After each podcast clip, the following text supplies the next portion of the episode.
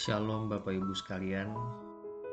Pada saat ini saya merenungkan firman Tuhan dari Matius 22 45 sampai 46. Jadi jika Daud menyebut dia tuannya, bagaimana mungkin ia anaknya pula? Tidak seorang pun yang dapat menjawabnya, dan sejak hari itu tidak ada seorang pun juga yang berani menanyakan sesuatu kepadanya. Saudara-saudara, hari ini kita membaca orang-orang Farisi yang bertanya jawab dengan Yesus, bukan untuk mendapatkan jawaban yang bijak, melainkan untuk menjatuhkan Yesus. Pertanyaan demi pertanyaan dilontarkan kepada Yesus. Kali ini giliran Yesus yang bertanya, "Apakah pendapatmu tentang Mesias? Anak siapakah dia?" Orang Farisi menjawab, "Anak Daud." Jawaban Farisi itu benar. Tapi Yesus bertanya lebih mendalam.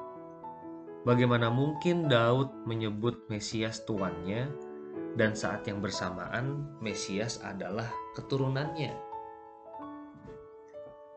Alkitab mencatat tidak ada seorang pun yang dapat menjawabnya. Dan sejak hari itu tidak ada seorang pun juga yang berani menanyakan sesuatu kepadanya.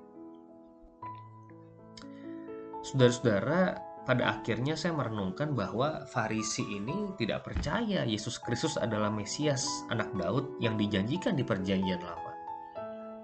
Padahal mereka ahli Perjanjian Lama. Saya membaca lagi Matius 22 ayat 34. Hari ini dari Injil Matius 22. Ketika orang-orang Farisi mendengar bahwa Yesus telah membuat orang Saduki itu bungkam, berkumpullah mereka Farisi berkumpul untuk mencobai dia. Saya pikir-pikir, apa orang-orang Farisi ini nggak mikir kenapa Yesus bisa sedemikian dalam hikmatnya? Orang-orang Farisi adalah orang-orang yang terdidik secara baik. Mereka adalah orang-orang yang pandai. Tapi mereka kurang satu hal, hati yang takut akan Tuhan mereka tidak mau percaya kepada Yesus. Meskipun tanda-tanda Yesus adalah Mesias sudah sangat jelas, namun mereka tetap tidak mau percaya kepada Yesus. Hikmat yang sedemikian besar menjadi tidak ada artinya apabila memiliki hati yang bebal. Mereka gagal justru di dalam hal yang paling fundamental, mengenal Mesias.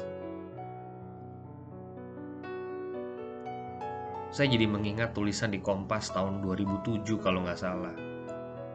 Bapak Ahmad Subarjo mengatakan bahwa benar berbeda dengan pintar. Benar dimensinya hati, sedangkan pintar dimensinya otak. Orang Indonesia lebih suka disebut pintar daripada benar.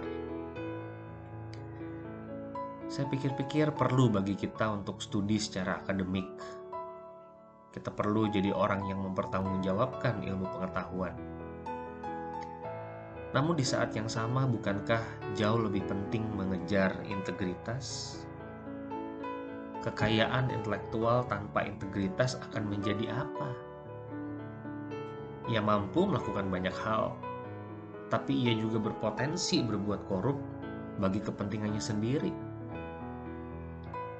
Apakah orang di sekelilingnya diuntungkan? Bisa jadi justru akan dirugikan.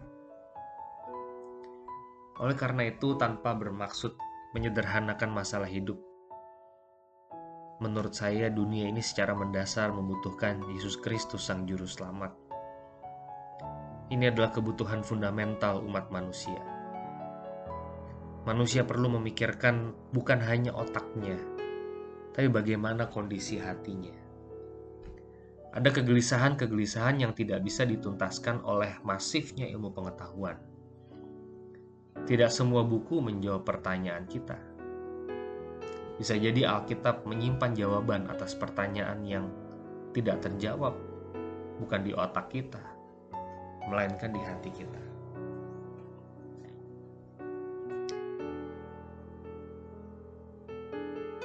Tuhan kiranya Engkau bekerja